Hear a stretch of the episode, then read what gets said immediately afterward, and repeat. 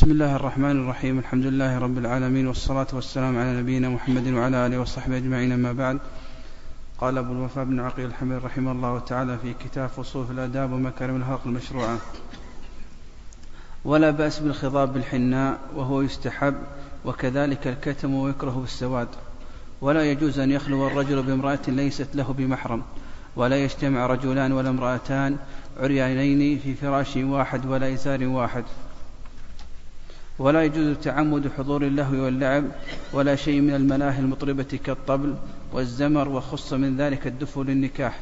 لقول النبي صلى الله عليه وسلم أعلنوا النكاح واضربوا عليه بالدف. ولا بأس بأسماء الله تعالى وكذلك التعويذ به. فصل والتداوي بالحجامة والفصل والكي والشرب الأدوية جائز. ولا يجوز التداوي بمحرم ولا نجس. وقد روي عن أحمد كراهة الكي وقطع العروق والرواية الأولى أصح. فصل ومن رأى من الحيات شيئا في منزله فليؤذنه ثلاثا إن بدا له بعد ذلك قتله.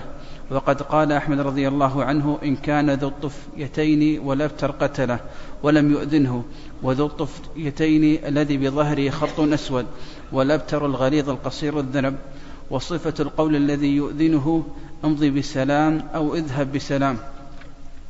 ويجوز قتل الأوزاق ولا يجوز قتل النمل ولا تخريب أجحرتهن ويكره قتل القمل بالنار. ولا يحل قتل الضفادع لأن النبي صلى الله عليه وسلم نهى عن قتل الضفدع. فصل ويكره إزالة الأوساخ في المساجد كتقليم الأظفار وقص الشارب ونتف الإبط والعمل والصناع كالخياطة والخرز والحلج والتجارة. وما شاك وما شاكل ذلك إذا كثر. ولا يكره ذلك إذا قل مثل رقع ثوب أو خصف نعل أو تشريكها إذا انقطع شسعها. فصل ولا يجوز إخصاء البهائم ولا كيها بالنار للوسم وتجوز المداواة حسب ما أجزنا في حق الناس في إحدى الروايتين. فصل وبر الوالدين واجب. سئل أحمد رضي الله عنه عن بر الوالدين أفرض هو فقال لا أقول فرض ولكنه واجب ولا يجوز طاعتهما في معصية الله تعالى. كذلك نص عليه لقول النبي صلى الله عليه وسلم لا طاعة لمخلوق في معصية الخالق في معصية الله تعالى. فصل ويكره الاتكاء على يسرى يديه وراء ظهره ويكره الجلوس بين الشمس والظل فصل ويستحب أن يقول عند النهوض من المجلس سبحانك اللهم وبحمدك لا إله إلا أنت أستغفرك وأتوب إليك فهي كفارة المجلس ويكره الجلوس في ظل المنارة وكنس البيت بالخرقة والشرب من ثلمة الإناء فهذه جملة من الآداب والله تعالى الموفق للصواب.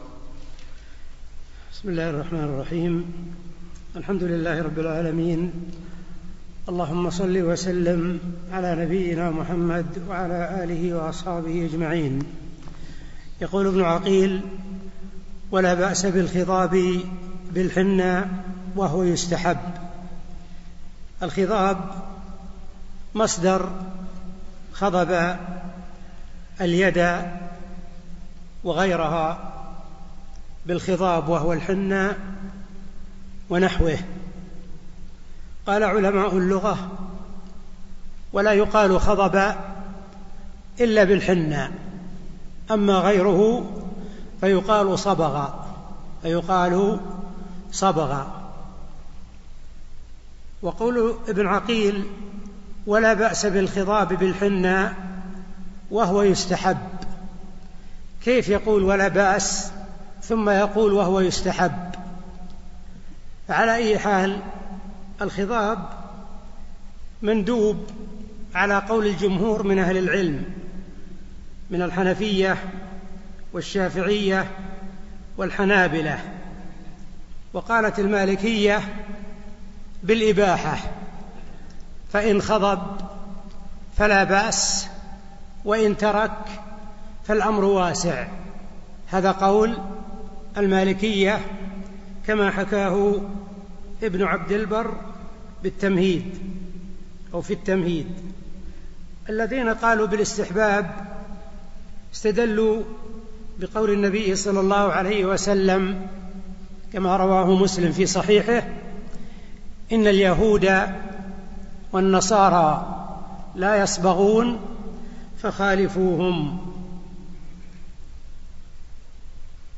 وقوله وكذلك الكتم يعني لا بأس بأن يصبغ بالكتم والكتم سواد يميل إلى الحمرة سواد يميل إلى الحمرة ويكره بالسواد.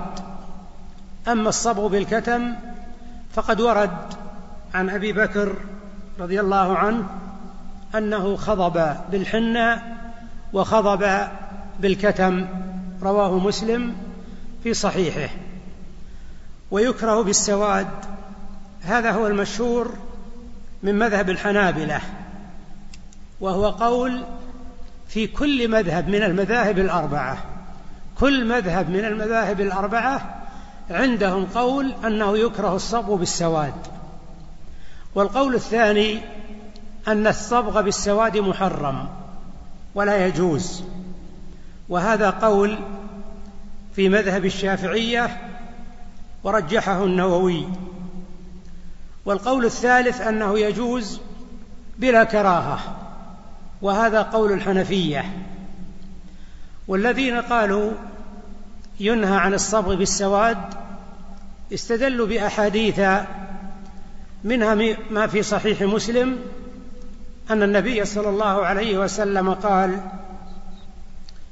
غيروا هذا قاله في شيب أبي قحافة والد أبي بكر رضي الله عنه قال غيروا هذا الشيب واجتنبوا السواد. غيروا هذا الشيب بشيء واجتنبوا السواد.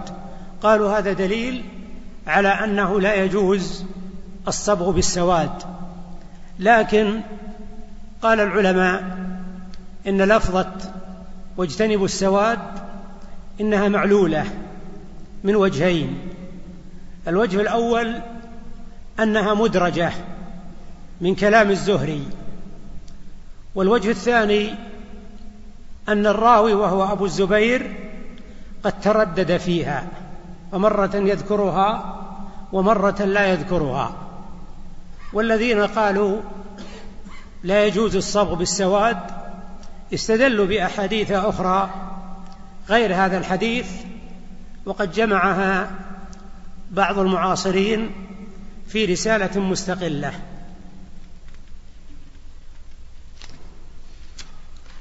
قال ولا يجوز أن يخلو الرجل بامرأة ليست له بمحرم.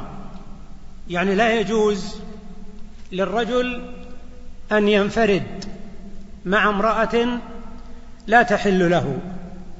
سواء أكان هذا الانفراد في منزل أو في غرفة أو حتى في سيارة أو حتى في سيارة. وقد ورد في هذا أحاديث كثيرة ومنها قول النبي صلى الله عليه وسلم كما في حديث ابن عباس لا يخلون رجل بامرأة إلا مع ذي محرم أخرجه البخاري.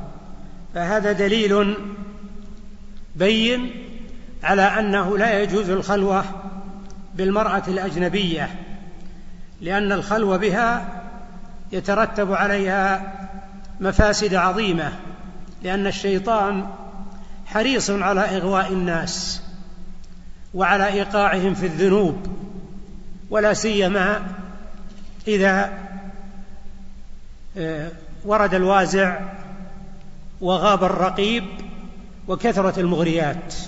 يكون دور الشيطان هذا في هذا الموطن متحقق الخطر ولهذا الشرع نهى عن الخلوة بالمرأة الأجنبية.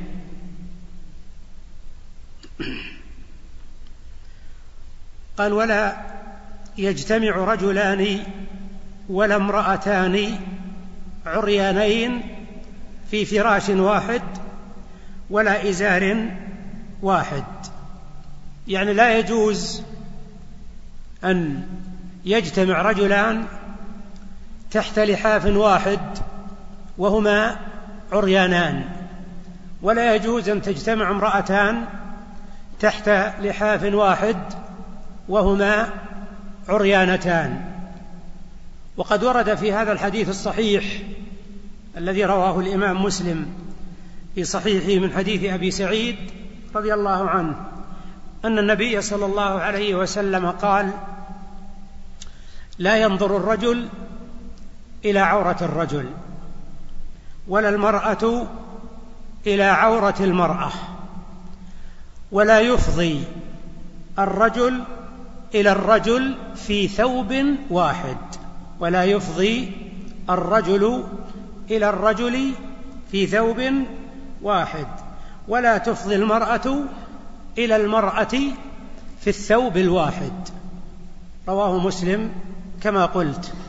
ومعنى الافضاء ومعنى الافضاء أن تلامس البشره البشرة لأن البشرة إذا لامست البشرة بدون حائل حصل الافضاء حصل الافضاء هذا ما ورد في المسألة.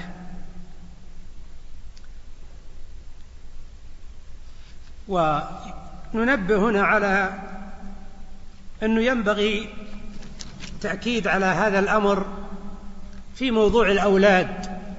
عندما يبلغون عشر سنين كما أمر النبي صلى الله عليه وسلم بالتفريق بينهم في المضاجع وأنهم لا ينامون في فراش واحد.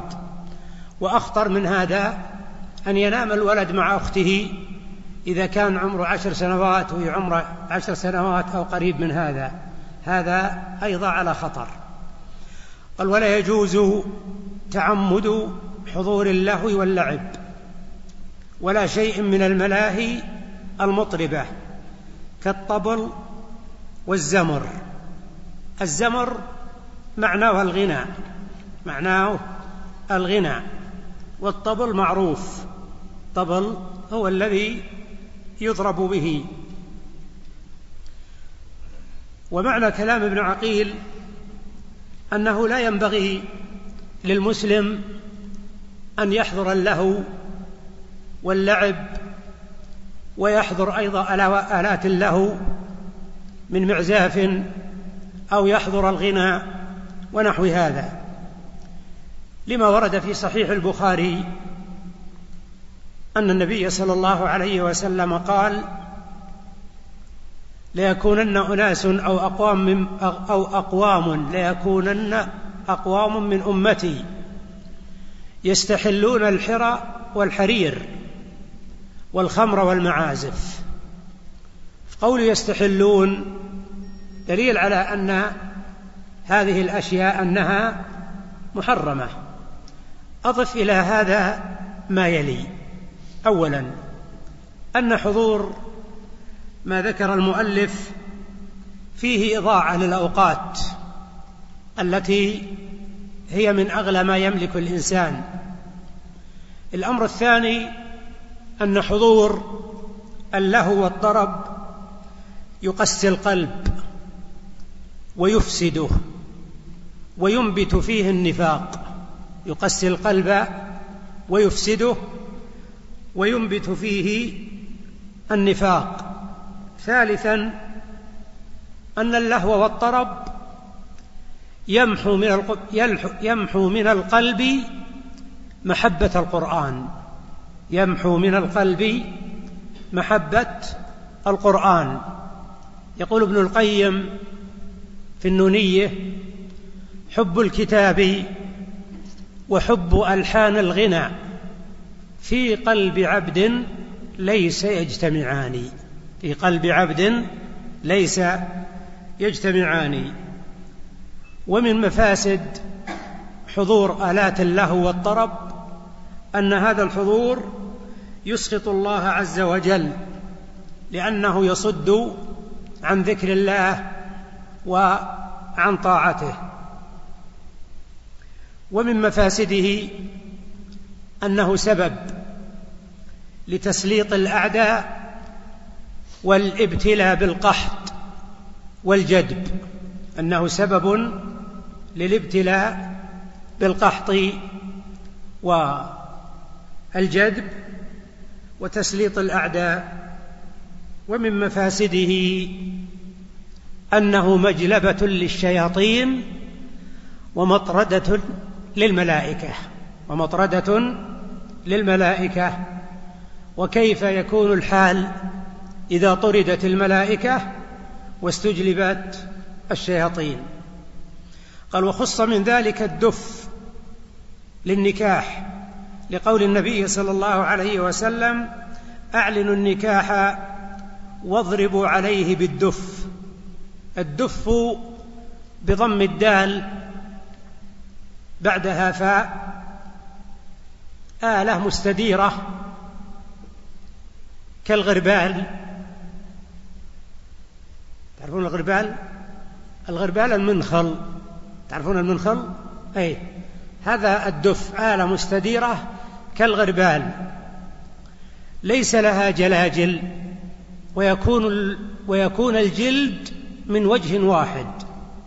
أما إذا كان الجلد من وجهين هذا هو الطبل. هذا هو الطبل. إذا آلة مستديرة يوضع عليها جلد لأن الجلد إذا ضرب يظهر الصوت. إذا كان الجلد من جهة واحدة والجهة الثانية مفتوحة هذا الدف. أما إذا كان مع كلا الجهتين جلد هذا الطبل. ومن صفة الدف أنه ما في جلاجل. الجلاجل هي الصنوج أو حديد يصير مدلع دار ما دار يعني على الدف. أو على الطبل يصير له صوت أيضا جلاجل ذي. فالدف ما يصير فيه جلاجل. هذا معنى الدف. وقول الشيخ أعلنوا الدف واضربوا فيه بالنكاح واضربوا عليه أعلنوا النكاح واضربوا عليه بالدف. يشير بهذا إلى الحديث الذي رواه الترمذي وابن ماجه وغيرهما أن النبي صلى الله عليه وسلم قال أعلنوا هذا النكاح واجعلوه في المساجد واضربوا عليه بالدف. قال الترمذي هذا حديث غريب حسن في هذا الباب. قال الإمام أحمد يستحب أن يظهر النكاح ويضرب عليه بالدف حتى يشتهر ويعرف لكن الضرب بالدف له ضوابط معينة منها أن يكون مختصا بالرجال بالنساء أن يكون مختصا بالنساء ومنها الا يكون فيه إزعاج للمجاورين ومنها الا يسمع الرجال أصوات النساء ومنها الا يكون سببا في السهر بأن يضرب بالدف إلى ساعة متأخرة من الليل. فإذا ضرب بقدر معين يحصل به المقصود كفى. ولا بأس بأسماء الله تعالى وكذلك التعويذ به. هذه الجملة أشكلت علي من وجهين. الوجه الأول إن وجود في هذا الموضع ما له مناسبة. هو الان انتهى من موضوع النكاح وضرب الدف. إيش معنى ولا بأس بأسماء الله تعالى؟ إيش مناسبته؟ والأمر الثاني إيش معنى لا بأس بأسماء الله تعالى؟ هل المقصود الرقية؟ الرقية لا يقال بأسماء الله تعالى قال يستحب أن تكون بأسماء الله تعالى أو بالقرآن الكريم. فالمقصود أن العبارة هذه فيها يعني فيها قلاقة. لكن أنا مشيتها على ما ظهر لي أن المراد أنه لا بأس بأسماء الله تعالى وكذلك التعويذ به في موضوع الرقية. بدليل بدليل ما رواه مسلم في صحيحه. أن جبريل جاء إلى النبي صلى الله عليه وسلم كما في حديث أبي سعيد. فقال يا محمد أشتكيت؟ قال نعم. يعني عندك أثر أو شكوى؟ قال نعم. قال بسم الله أرقيك. من كل شيء يؤذيك. ومن شر كل نفس أو عين حاسد الله يشفيك. بسم الله أرقيك. قال القرطبي عند الحديث هذا هذا الحديث دليل على استحباب الرقية بأسماء الله تعالى. لأن جبريل قال بسم الله أرقيك فرقاه بسم الله تعالى. فلو أن ابن عقيل قال ويستحب أو تستحب الرقية بأسماء الله تعالى وكذلك التعويذ به يعني القراءة على المريض كان هذا أوضح. لكن على أي حال هذا الذي ظهر لي من العبارة. قال والتداوي بالحجامة والفصد والكي وشرب الأدوية جائز. وقد روي عن أحمد كراهة الكي وقطع العروق.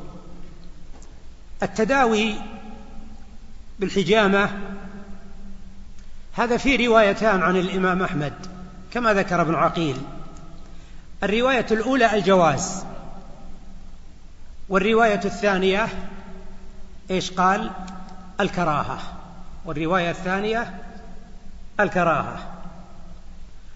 والحجامة معروفة هي امتصاص الدم من البدن بالوسائل المعروفة.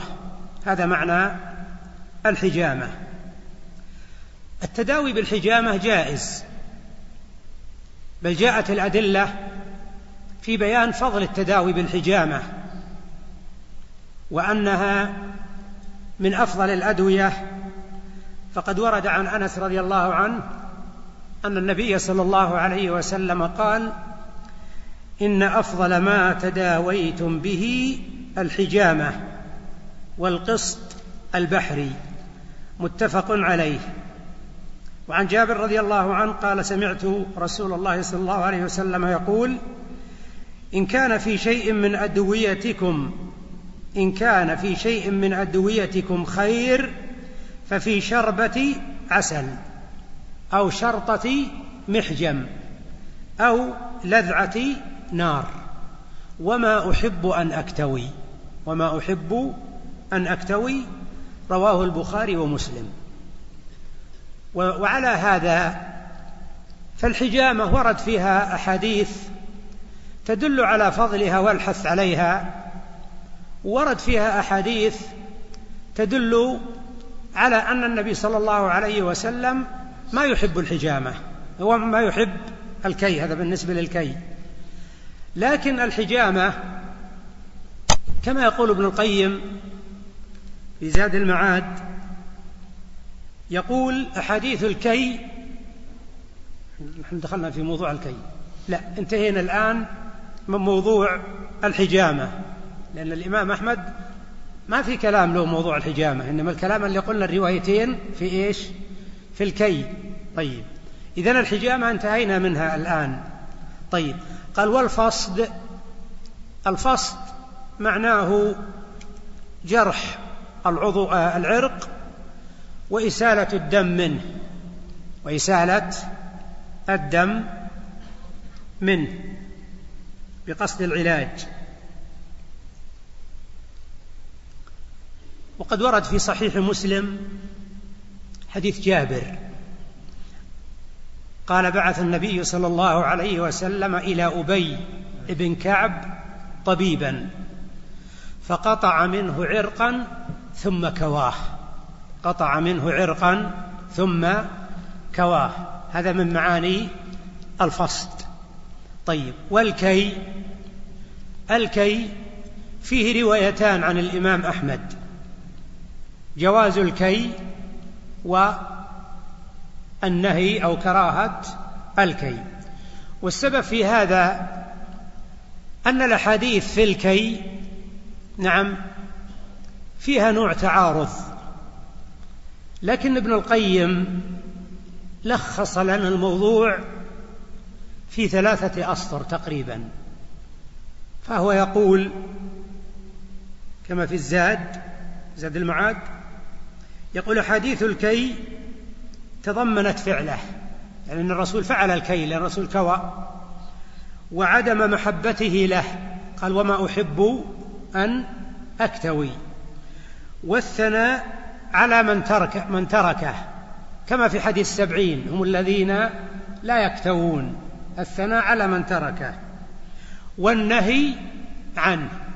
إذا تكون الأمور المتعلقة والأحاديث المتعلقة بالكي ها أربعة أمور. يقول ابن القيم ولا تعارض بينها بحمد الله تعالى لأن فعله يدل على جوازه. وعدم محبته لا يدل على المنع من منه. يعني الرسول عندما يقول وما أحب أن أكتوي ما يدل على أنه ممنوع من الكي. لكن الرسول ما يحبه. وأما الثنى على تاركه أو على تركه فيدل على أن تركه أفضل. يدل على أن تركه أفضل. لأن هذا من باب قوة التوكل.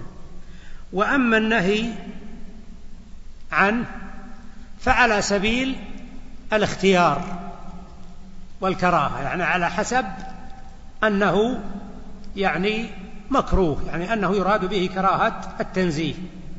نعم. أو عن النوع الذي لا يحتاج إليه يعني أو يحمل تحمل أحاديث النهي على الكي الذي لا يحتاج إليه وإنما قد يفعله بعض الناس خشية من حصول المرض.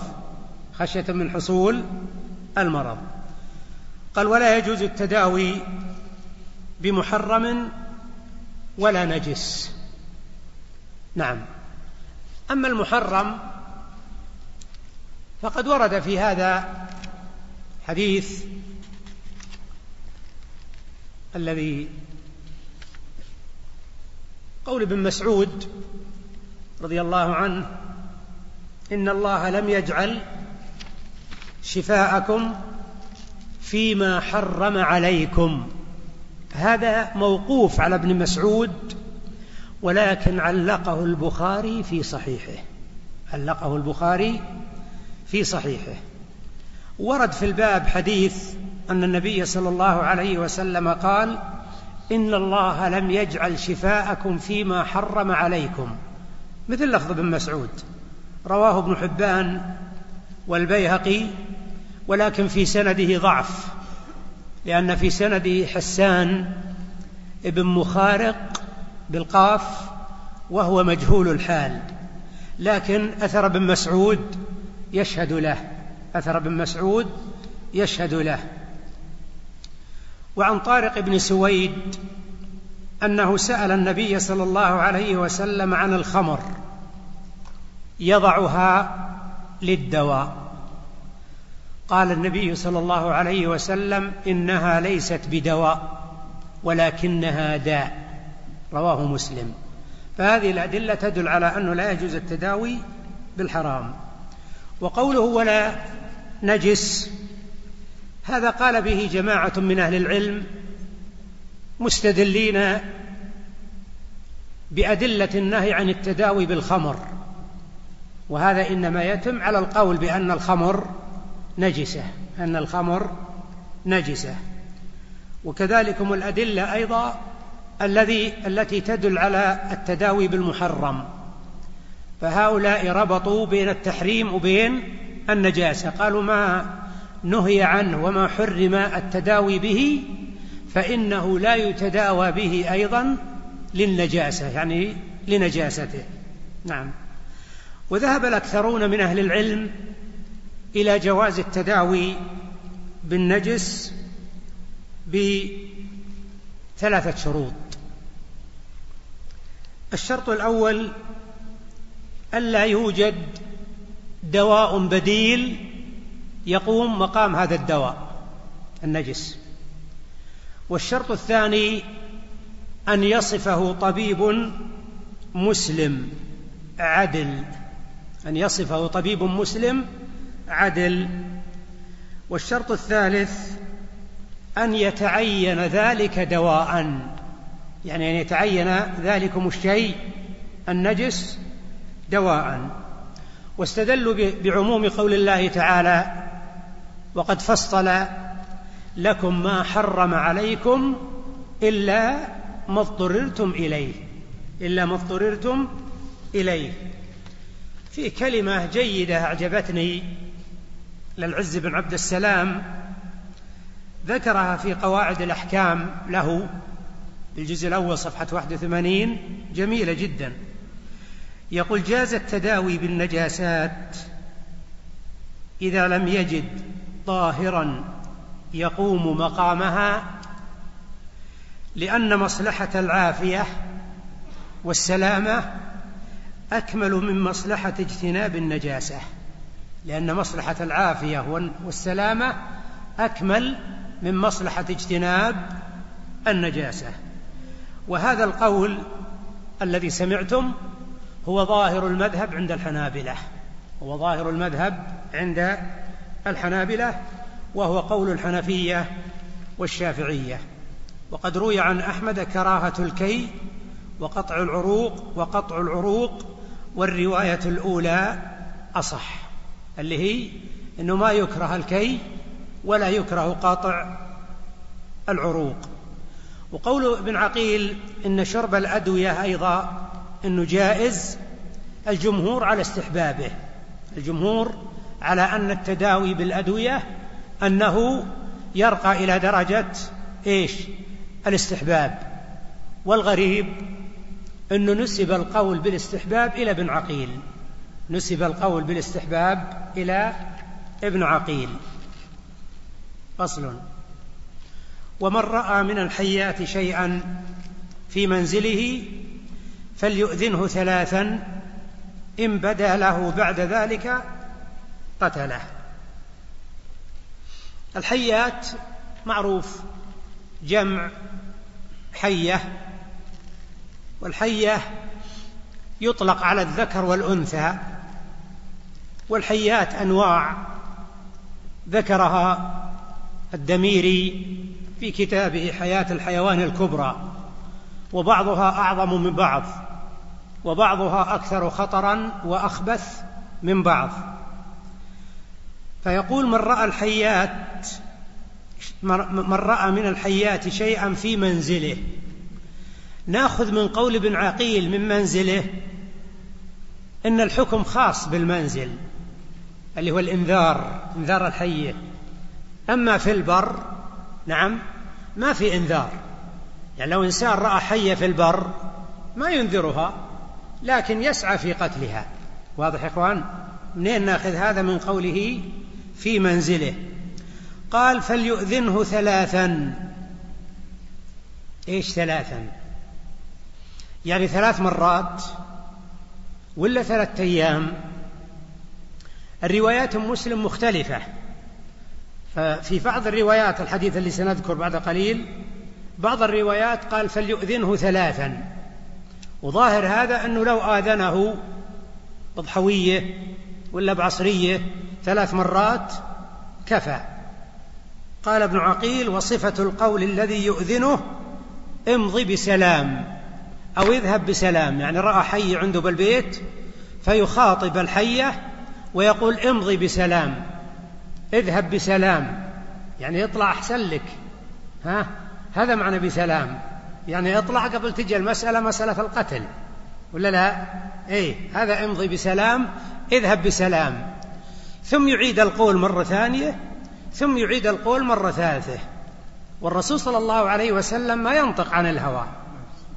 ما أمرنا باذان أو بإنذار الحيات إلا لأنها تدرك والله أعلم. تدرك هذا الإنذار. تدرك هذا الإنذار. واللي يصير الإنذار ما له فائدة. ويصير الرسول يأمرنا بشيء ها؟ ما له فائدة. واضح يا إخوان؟ طيب. ويحتمل إن الإنذار ثلاثة أيام. إن الإنذار ثلاثة أيام. فالمسألة الاحتمال فيها قائم. ورد حديث أبي سعيد عن النبي صلى الله عليه وسلم قال إن لبيوتكم عمارا. إن لبيوتكم عمارا. فحرجوا عليهن ثلاثا حرجوا عليهن ثلاثا. المراد بالتحريج نعم الإنذار الإنذار. فإن بدا لكم بعد ذلك شيء فاقتلوه. فإن بدا لكم بعد ذلك شيء فاقتلوه رواه مسلم. وفي رواية عند مسلم فحرجوا عليهن ثلاثة أيام. ثلاثة أيام. طيب. اليوم ما ودنا نستطرد لأن نخشى الوقت إباغتنا قبل النهاية. في مسألة حبيت أذكرها. من أهل العلم من خص أحاديث الإنذار بحيات المدينة وهذا هو الإمام المازري صاحب كتاب المعلم شرح صحيح مسلم ها؟ المازري يرى أن الإنذار خاص بحيات المدينة وغيرها من الحيات ما في إنذار. مجرد ما تشوف الحية ببيتك إذا كنت ما, ما, ما كنت في المدينة فإنك إيش؟ تقتلها. ويستدل المازري بعموم حديث ابن عمر أن النبي صلى الله عليه وسلم قال اقتلوا الحيات. ولم يذكر إيش؟ إنذارا. ولم يذكر إنذارا. ويستدل أيضا بحديث خمس فواسق يقتلن في الحل والحرم وقد جاء في بعض الروايات ذكر الحيه قد جاء في بعض الروايات ذكر الحيه والخمس ذولي أمر الرسول بقتلهن بدون إنذار إذا كان معهن الحيه وذهب طائفة من أهل العلم إلى عموم النهي. في حيات البيوت بكل بلد بكل بلد. أنها تنذر وأما الحيات في غير البيوت كالصحاري فإنها تقتل بدون إنذار. وقد قال أحمد رضي الله عنه إن كان ذو الطفيتين والأبتر قتله ولم يؤذنه. وذو الطفيتين الذي بظهره خط أسود. وقيل خطان أبيضان هذا نوع من الحيات خبيث جدا. بقدرة الله تعالى في ظهره خطان أبيضان. هذا مستثنى ما يؤذن ولا ينذر يقتل. وكذلك أيضا أيضا الأبتر الغليظ الأبتر الغليظ القصير الذنب بهذه الصفة. هذا أيضا لا يؤنذر وقد ورد عن عائشة رضي الله عنها أن النبي صلى الله عليه وسلم قال اقتلوا ذو الطفيتين فإنه يلتمس البصر ويصيب الحبل. يعني إذا شافته المرأة سقطت الحمل اللي ببطنه وهذا الحديث متفق عليه هذا الحديث متفق عليه. وصفة القول الذي يؤذنه امضي بسلام أو اذهب بسلام أو أي عبارة يعني مو لازم العبارات هذه ها؟ أي عبارة يأتي بها يكفي. ويجوز قتل الأوزاغ. قتل الأوزاغ. الأوزاغ جمع وزغ وهو حيوان معروف أو حشرة معروفة تكون في البيوت. طويلة صفراء. طويلة صفراء. تقولوا له أنتم إيش؟ ها؟ بريصي. إيه إحنا نقول لها البعرصي. إيه لا أشوى قريبين أنتم منا. إيه حدثوا الناس ما يعرفون. خلاص عرفتوه الحمد لله. هذا هو الوزغ. هو البريصي. أو اللي يقولون له في عندنا هناك يقول له البعرصي. أي هذا أمر النبي صلى الله أمر النبي صلى الله عليه وسلم بقتله بل رغب في قتله ترغيبا بينا. وقول ابن عقيل هنا ويجوز قتل الأوزاغ التعبير هذا غير جيد غير جيد. وكان الأولى أن يقول ويستحب قتل الأوزاغ. ورد في الصحيحين من حديث أم شريك رضي الله عنها ومن حديث سعد بن أبي وقاص رضي الله عنه عند عند مسلم أن النبي صلى الله عليه وسلم أمر بقتل الوزغ. هذا الأمر بالقتل. طيب الأجر؟ عن أبي هريرة رضي الله عنه قال قال رسول الله صلى الله عليه وسلم من قتل وزغه في أول ضربة فله كذا وكذا حسنة. ومن قتلها في الضربة الثانية فله كذا وكذا وإن قتلها في الضربة الثالثة فله كذا وكذا حسنة لدون الثانية. وفي رواية من قتل وزغا في أول ضربة كتبت له مئة حسنة. وفي الثانية دون ذلك. وفي الثالثة دون ذلك رواه مسلم. وفي رواية لمسلم في أول ضربة سبعين ولا منافاة بين السبعين وبين المئة. يحتمل أن الله جل وعلا أعطى الأمة أجر سبعين وزادهم إلى مئة. ليش الرسول صلى الله عليه وسلم يقول الكلام ذا؟ لأجل الحث نعم والمبادرة والقوة في قتل الوزغ حتى أنه يحصل قتله بأول بأول ضربة. لكن إن فات يقتل في الثانية وعلى أقل الأحوال يقتل في الثالثة. وإنما أمر بقتله والله أعلم لأنه من ذوات السموم. سام هو. ولهذا يبزق في اللبن. وقد حصل حوادث ماضية. نعم أنه بزق في لبن. أنا أذكر مرة وأنا صغير وأنا صغير كان عندنا أناس فشربوا لبنا شربوا لبنا. فلما شربوا اللبن بدأوا يتقيؤون كلهم ثلاثة أذكرهم. فأخذوا للمستشفى فقالوا إنهم شربوا مادة سامة. وكان البريصي على لغتكم في الزمن القديم يكثر بالبيوت. أما الآن الحمد لله بالبيوت الآن بالشكل الموجود ما يوجد إلا يمكن بالأسوار برا بالحوش لكن من داخل ما له محل من العراب. ها؟ أقول ما له محل من العراب من داخل. لكن في الزمن القديم لما كانت البيوت مبنية بالخشب والجريد كان يكثر فيها تكثر فيها هذه الحشرة. فكان ينال أهل البيت منها الضرر العظيم. إذ كان لا قالوا الطعام ملحوس. ملحوس يعني الحسو البريصي وإذا الحسو خلاص معناته أنه بزغ فيه هذه المادة السامة صار طعاما مسموما.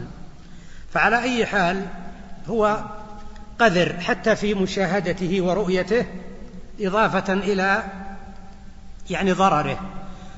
فالنفس تستقذر رؤيته وما يعني يضاف إلى يعني ما ما فيه من سم أو شيء يضر.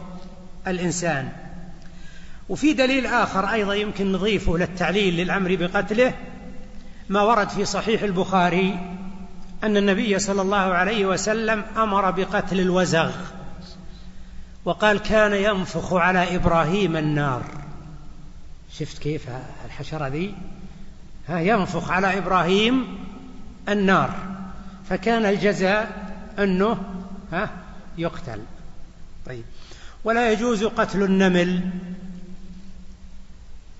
ولا تخريب أجحرتهن.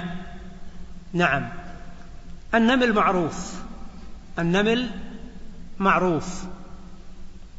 فلا يجوز قتل النمل. لحديث أبي هريرة في قصة نبي من الأنبياء أنه قرصته نملة. فحرق قرية النمل التي حوله. فقيل له فهلا نملة واحدة؟ متفق عليه. يعني هلا قتلت النملة اللي قرصك؟ والباقي تركته.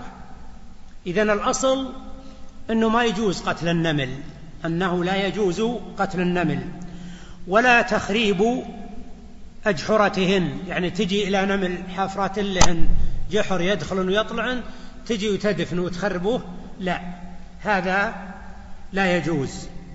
وقد ورد في الحديث أن النبي صلى الله عليه وسلم نهى عن قتل أربع من الدواب النملة والنحلة والهدهد والسرد والسرد. رواه أحمد وأبو داود وإسناده صحيح إسناده صحيح. المقصود بهذا أنه لا يقتل.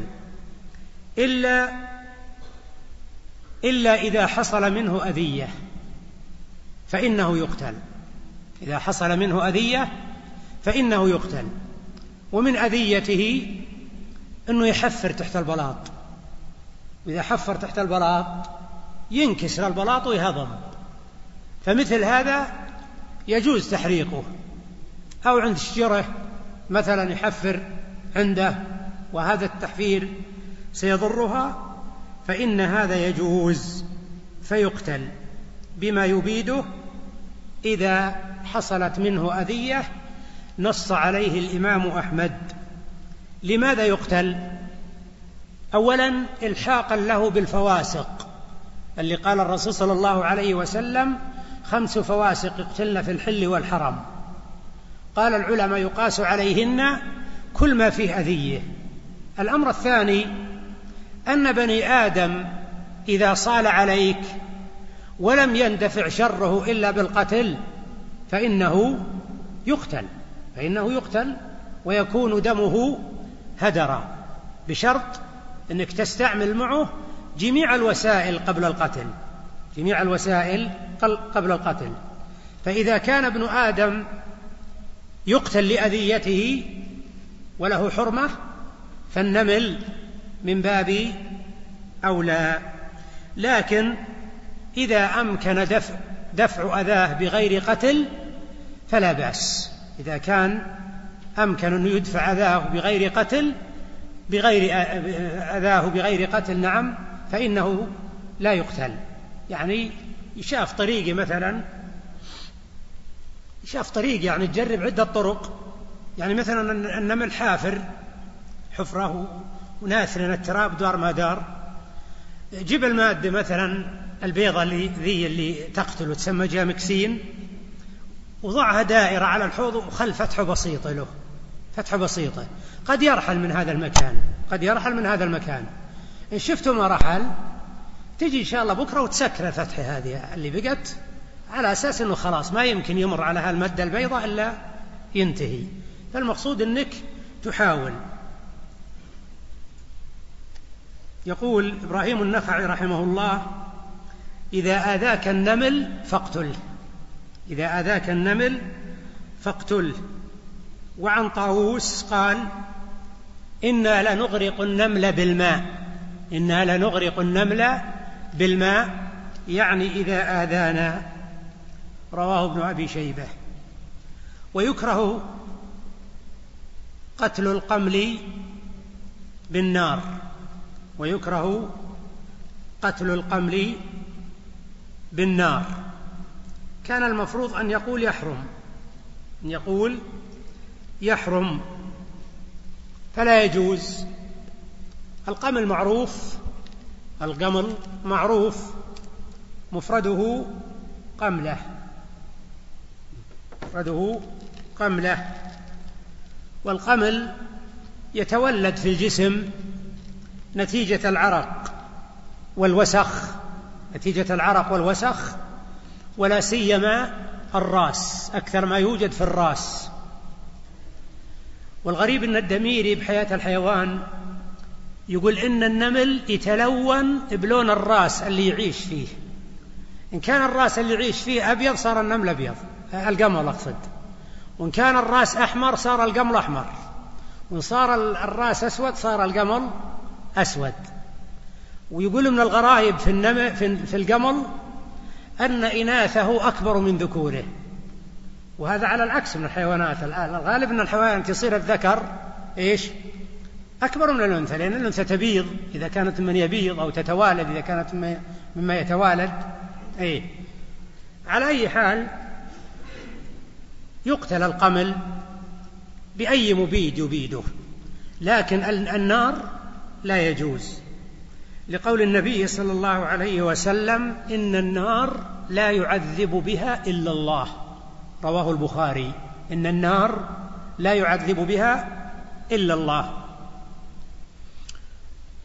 لا إله إلا الله. ومثل القمل يا إخوان بقية الحشرات مثل البعوض وغيره. هذا لا يقتل بالنار. إذا أي حشرة لا تقتل بالنار. تقتل بغير النار. قال ولا يحل قتل الضفادع لأن النبي صلى الله عليه وسلم نهى عن قتل الضفدع. الضفدع معروف حيوان برمائي يعيش في المستنقعات ومخلفات السيول يعيش فيها. هذا الضفدع. ورد في الحديث حديث عبد الرحمن بن عثمان القرشي أن طبيبا سأل رسول الله صلى الله عليه وسلم عن الضفدع يجعلها في دواء. يجعلها في دواء. قال عبد الرحمن فنهى عن قتلها. نهى النبي صلى الله عليه وسلم عن قتلها. أخرجه أحمد وأبو داود والنسائي والحاكم. وهذا الحديث إسناده صحيح. قال البيهقي إن هذا الحديث أقوى ما ورد في النهي عن قتل الضفدع. إن هذا الحديث أقوى ما ورد في النهي عن قتل الضفدع. يقول ابن عقيل لأن النبي صلى الله عليه وسلم نهى عن قتل الضفدع نهى عن قتل الضفدع. وروى البيهقي بسنده عن عبد الله بن عمرو قال لا تقتلوا الضفادع فإن نقيقها تسبيح. قال البيهقي هذا موقوف صحيح هذا موقوف صحيح. كلام من؟ ها؟ عبد الله ابن؟ إيه أنت تقول الواو لا تنسونها عبد الله بن عمر وليس عمر. إيه. قال لا تقتلوا الضفادع فإن نقيقها تسبيح. ويكره إزالة الأوساخ في المساجد كتقليم الأظفار وقص الشارب ونتف الإبط والعمل والصنائع كالخياطة والخرز. الخرز معروف والذي يتعلق بالجلود كخرز القرب أو خرز مثلا النعال ونحو هذا. والحلج. الحلج هذا يتعلق بالقطن. يتعلق بالقطن. يقال حلج القطن إذا خلصه من البذر لأن البذر لأن القطن إذا جني يكون بحب. فحلجه أنه يخلصه من هذا الحب. قال وما شاكل ذلك إذا كثر؟ وهذا واضح يعني أن المساجد تنزه عن هذه الأمور لئلا يكون في تقدير للمسجد أو أصوات أو يكون المسجد سوق من أسواق الدنيا. واضح؟ فتنزه المساجد عن مثل هذه الأمور لأن هذه الأمور متعلقة بالدنيا. قال ولا يكره ذلك إذا قل مثل رقع الثوب. يعني إنسان ينشق ثوبه بالمسجد ومعه إبرة. وطلع الإبر وقعد يخيط ثوبه هذا ما في شيء لأن هذا شيء يسير. أو خصف نحل نعل كذلك يعني رقعها أو تشريكها إذا انقطع شسعها. الشسع هو السير اللي يربط النعل بالقدم. ومثلها اليوم اللي بنعالنا الآن لما اللي تلبس نعالك إصبعك الكبير بينه وبين الإصبع الثاني شيء يقف بينهن. هذا الشسع. هذا هو الشسع. فلو انقطع وصاحبه يقدر يزينه بالمسجد لا بأس أنه يزينه لأن هذه أشياء يسيرة. لكن واحد يبي يفتح محل يخيط وواحد يخرز وواحد يحلج قطن وواحد يحسن الناس مثلا واحد وواحد. صار المسجد الآن سوق أسواق تجارية. هذا لا يجوز. ولا يجوز إخصاء البهائم ولا كيها بالنار للوسم. الخصي معناه سل الخصيتين.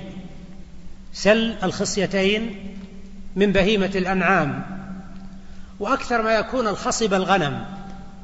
الغنم الشاة الخروف يعني الذكر عندما يولد ومثلها المعز التيس. يكون له خصيتان بيضتان. في جون يجي للبيضتين ذولي ويشق طول موس ويطلع الخصية اللي من داخل ويقصه. ها؟ ويلم الباقي يلفه وبعضهم يضع عليه ملح حتى أنه يبرى وهو حار على البهيمة. أي هذا معنى الخصي. ابن عقيل يقول ولا يجوز إخصاء البهائم. هذا أحد القولين في المسألة. وقد قال الإمام أحمد لا يعجبني للرجل أن يخصي شيئا. لا يعجبني للرجل أن يخصي شيئا. قال ابن م... قال ابن مفلح وإنما كره ذلك يعني الإمام أحمد للنهي الوارد عن إيلام الحيوان. للنهي الوارد عن إيلام الحيوان. القول الثاني أنه يباح خصي الغنم. والخصي للحيوان المأكول يكون في حال الصغر. قالوا لما في إصلاح لما فيه من إصلاح اللحم والسمن. لأنه مثلا إذا خصي ما ينزو على الأنثى. لأن الحيوان اللي الذكر اللي ينزو على الأنثى يصير به رائحة رائحة. فإذا خصي خلاص ما يصير له شهوة ولا ينزو على الأنثى. ولهذا الخصى يطيب اللحم. يجعل رائحة اللحم طيبة. يعني تجوب خروفين أنت خروفين؟ خروف مخصي. وخروف ماخصي. وينزو يعني يلقح الإناث. بينهم فرق جدا حتى لو تشمه أنت مجرد شم تشوف في رائحة. فإذا ذبح وطبخ اتضح الفرق بين النوعين. فبعض العلماء يقول لا بأس بخصي البهائم ولا سيما الغنم لأن خصيها يطيب لحمها ويكون سببا في سمنها. نعم. ولا يجوز إخصاء البهائم ولا كيها بالنار للوسم. للوسم. أما الكي بالوجه فهذا حرام بإجماع أهل العلم. يعني لا يجوز وسم الدابة في وجهها. يعني إنسان عنده بعارين عنده إبل يجي للوجه وياسمه. وهم ياسمونه بأي طريقة؟ طريقة الكي. هذا لا يجوز. وقد ورد في صحيح مسلم أن النبي صلى الله عليه وسلم رأى حمار. شف رأى حمارا قد وسم في وجهه. فقال لعن الله من فعل هذا. لعن الله من فعل هذا. وقد جاء في حديث جابر قال نهى رسول الله صلى الله عليه وسلم عن الضرب في الوجه وعن الوسم في الوجه رواه مسلم. أما في غير الوجه كالإبل مثلا توسم فمن أهل العلم من أجاز مطلقا ومنهم من خص الجواز بإبل الصدقة وإبل الجزية يعني الإبل اللي للزكوات مجموعة والإبل اللي مأخوذة ها جزية على الكفار والله المستعان. فمثل هذه يقولون يجوز وسمها إذا الوسم بغير الوجه من أهل العلم من يجيز مطلقا ومنهم من يخصه بإبل الصدقة وإبل الجزية. يقولون ولا بد أن يكون الوسم في الفخذ لأن الفخذ أقل إيلام وأقل شعر. في بين الوسم بأسرع ما يكون يبين الوسم بأسرع ما يكون. فهذا لا بأس به يعني أقل الأحوال الجواز.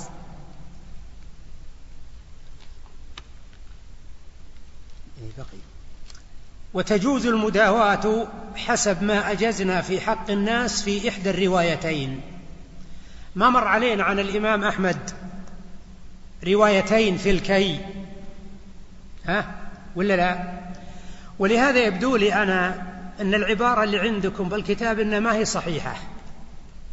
وأن الصواب ويجوز للمداواة لأني رأيته أنا في إحدى الكتب هكذا. رأيتها في شرح الحجاوي. نعم. وفي غذاء الألباب للسفاريني. يقول ويجوز للمداواة بالنسبة للبهايم. إذا إذا كانت البهيمة تعين علاجه بكي يجوز الكي على أحد القولين اللذين مر موضوع الكي لإيش؟ للناس. فهمت يا إخوان؟ لعلكم تعلقون في نسخكم. إن شئتم يعني إن صدقتموني. ها؟ تعلقون في نسخكم وتجوز المداواة. تقول لعل الصواب ويجوز للمداواة يعني الكي يجوز للمداواة طيب. قال وبر الوالدين واجب. سئل أحمد رضي الله عنه عن بر الوالدين أفرض هو؟ قال لا أقول فرض ولكنه واجب. بر الوالدين هو كثرة الإحسان إليهما بكل نوع من أنواع الإحسان.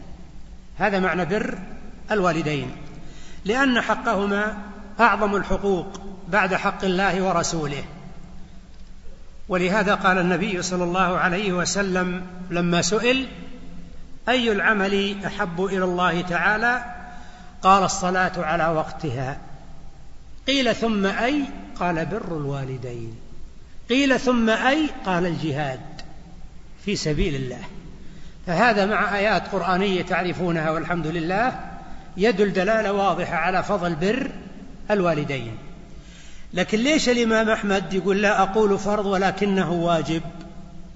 هذا يا إخوان مبني على مسألة في أصول الفقه أن الحنابلة يفرقون بين الفرض والواجب.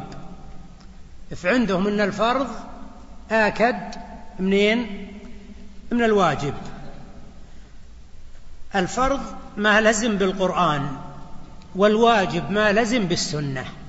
ما لزم بالسنة. هذا على أحد القولين. والقول الثاني أن الفرض والواجب بمعنى واحد. أن الفرض والواجب بمعنى واحد. لكن على رأي الإمام أحمد أنه ما يرى أن بر الوالدين أنه فرض. يقول ولكنه واجب. وكأنه يأخذ الوجوب من الحديث الذي ذكرت لكم من الحديث الذي ذكرت لكم. لكن يبقى السؤال لماذا أخذ الإمام أحمد ما أخذ بر الوالدين من القرآن؟ هذا الحقيقة محل إشكال. لكن على أي حال المسألة خلافية بين الأصوليين وهذا الذي نقله ابن عقيل. قال ولا يجوز طاعتهما في معصية الله تعالى. كذلك نص عليه يعني الإمام أحمد. لقول النبي صلى الله عليه وسلم لا طاعة لمخلوق في معصية الله تعالى. هذا ورد في الحديث الصحيح حديث ابن عمر أن النبي صلى الله عليه وسلم قال على المرء المسلم السمع والطاعة فيما أحب وكره إلا أن يؤمر بمعصية. فإن أمر بمعصية فلا سمع ولا طاعة. فلا تجوز طاعتهما في معصية لله تعالى. مثل ترك ما أمر الله به مثل ترك تعلم العلم الواجب أو السفر لطلب العلم الواجب. هذا ما يطيع والديه لأن العلم الواجب على اسمه واجب. ومثل لو أمرته بترك الصلاة أو قالت يا ولدي صل بالبيت لا تطلع صلي مع الجماعة لا طاعة لها في مثل هذه الأمور. أو الوقوع فيما حرم الله كشرب خمر أو أكل ربا أو أمرته باختلاط بامرأة أجنبية أو أمرته بجلب آلة له إلى البيت. كل هذه الأمور ليس فيها طاعة. لكن على الولد أن يحرص كل الحرص على المداراة وحسن التعامل. ويكره الاتكاء على يسرى يديه وراء ظهره. هذا ورد فيه حديث الشريد ابن سويد. قال مر بي رسول الله صلى الله عليه وسلم وأنا جالس هكذا وقد وضعت يدي اليسرى خلف ظهري واتكأت على ألية يدي. واتكأت يعني وضع يده اليسرى خلفه واتكى عليها. طيب وين إلية اليد؟ إلية البدن المؤخرة معروفة. طيب اليد لها ألية؟ ألية اليد اللحم هذا اللي تحت الإبهام. ها؟ هذا. هذه ألية اليد. واضح؟ طيب. قال له النبي صلى الله عليه وسلم أتقعد قعدة المغضوب عليهم؟ أتقعد قعدة المغضوب عليهم؟ رواه أبو داود وأحمد والحاكم. وقال صحيح الإسناد وسكت عنه الذهبي لكن فيه ابن جريج وهو مدلس لكن ذكر الألباني أن ابن جريج صرح بالتحديث في مصنف عبد الرزاق صرح بالتحديث في مصنف عبد الرزاق. طيب. ويكره الجلوس بين الشمس والظل يكره الجلوس بين الشمس والظل. هذا ورد في أحاديث عن النبي صلى الله عليه وسلم أنه نهى أن يجلس الرجل بين الشمس والظل. وقد اختلف العلماء في الحكمة من هذا النهي على قولين. القول الأول أن الحكمة أن ال... الذي بين الشمس والظل مجلس الشيطان. وهذه يا إخوان حكمة منصوص عليها. لأن ورد في بعض الروايات قال فإنه مجلس الشيطان. الحكمة اللي ذكر العلماء الثانية حكمة مستنبطة. قالوا لأنه يفسد مزاج البدن. لأن البدن يكون بعضه في الشمس وبعضه في الظل. وعلى القول الراجح أنه ينهى عن الجلوس بين الشمس والظل مطلقا. إيش معنى مطلقا؟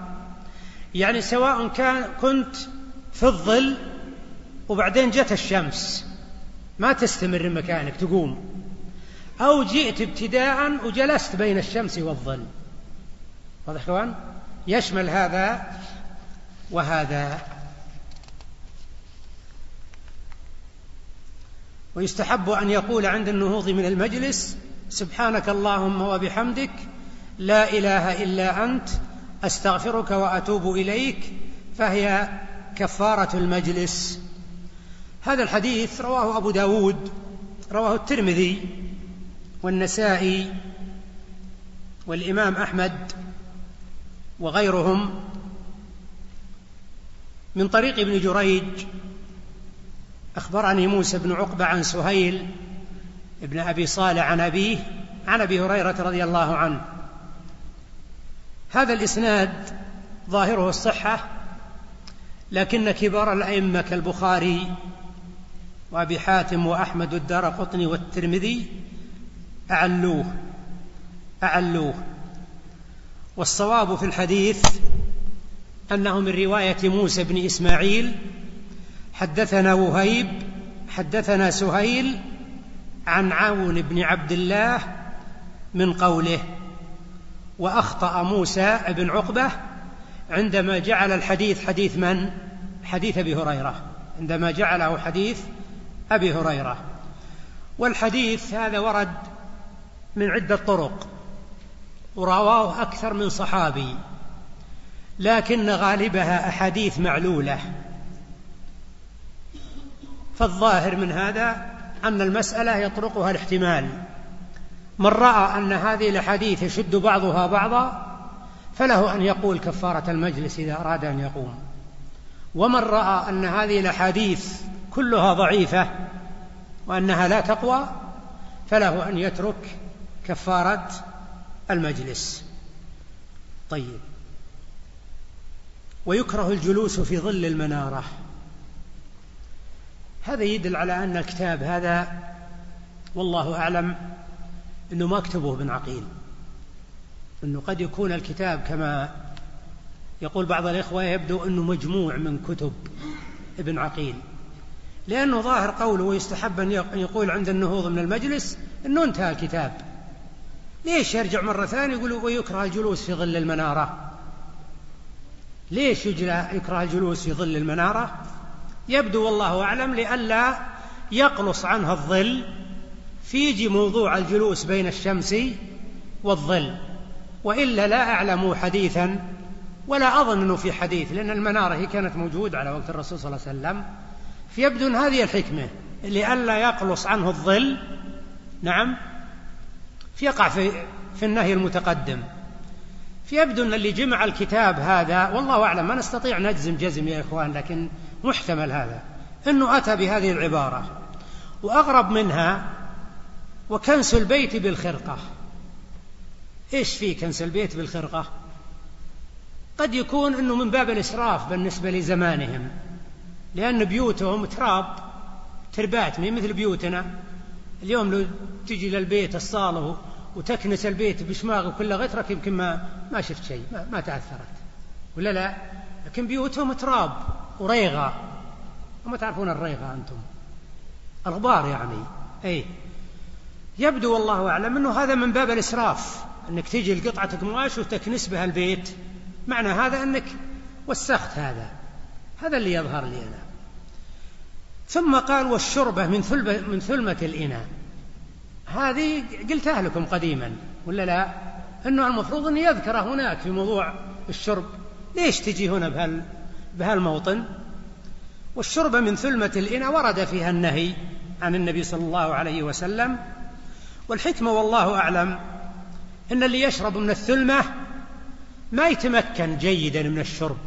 أولا الثلمة الكسر. يعني لو فرضنا أن هالقارورة ذي مثلا أن مثلا مقصوصة من هنا على شكل كاس يعني ثم كسر من هنا ثلمة. يجي واحد يبي يشرب من الثلم ذي هل يحسن الشرب؟ ما يحسن الشرب قد يجرح هذا المكان وقد يتنثر الماء على على ثيابه وقد يجيه من الماء أكثر مما يريد على أساس أن الثلم ذي قد يندفع منها ماء أكثر من المطلوب هذه من الحكم اللي ذكر العلماء أنه يكره الشرب منين؟ من ثلمة الإناء فهذه جملة من الآداب والله تعالى الموفق للصواب. وهذا ما يسر الله تعالى أن نقوله شرحا لهذه الفصول القيمة على وجه الاختصار. وإلا أكثر الآداب المذكورة تقتضي البسط والإطالة ولكن حسب الوقت المحدد. ومعذرة من الإطالة اليوم طولنا عليكم. ولا بد أن تتواطؤوا على الإطالة اليوم. هي اليوم يوم الختام. بقي عندنا إن شاء الله ونسأل الله الإعانة درس البلوغ. السلام عليكم.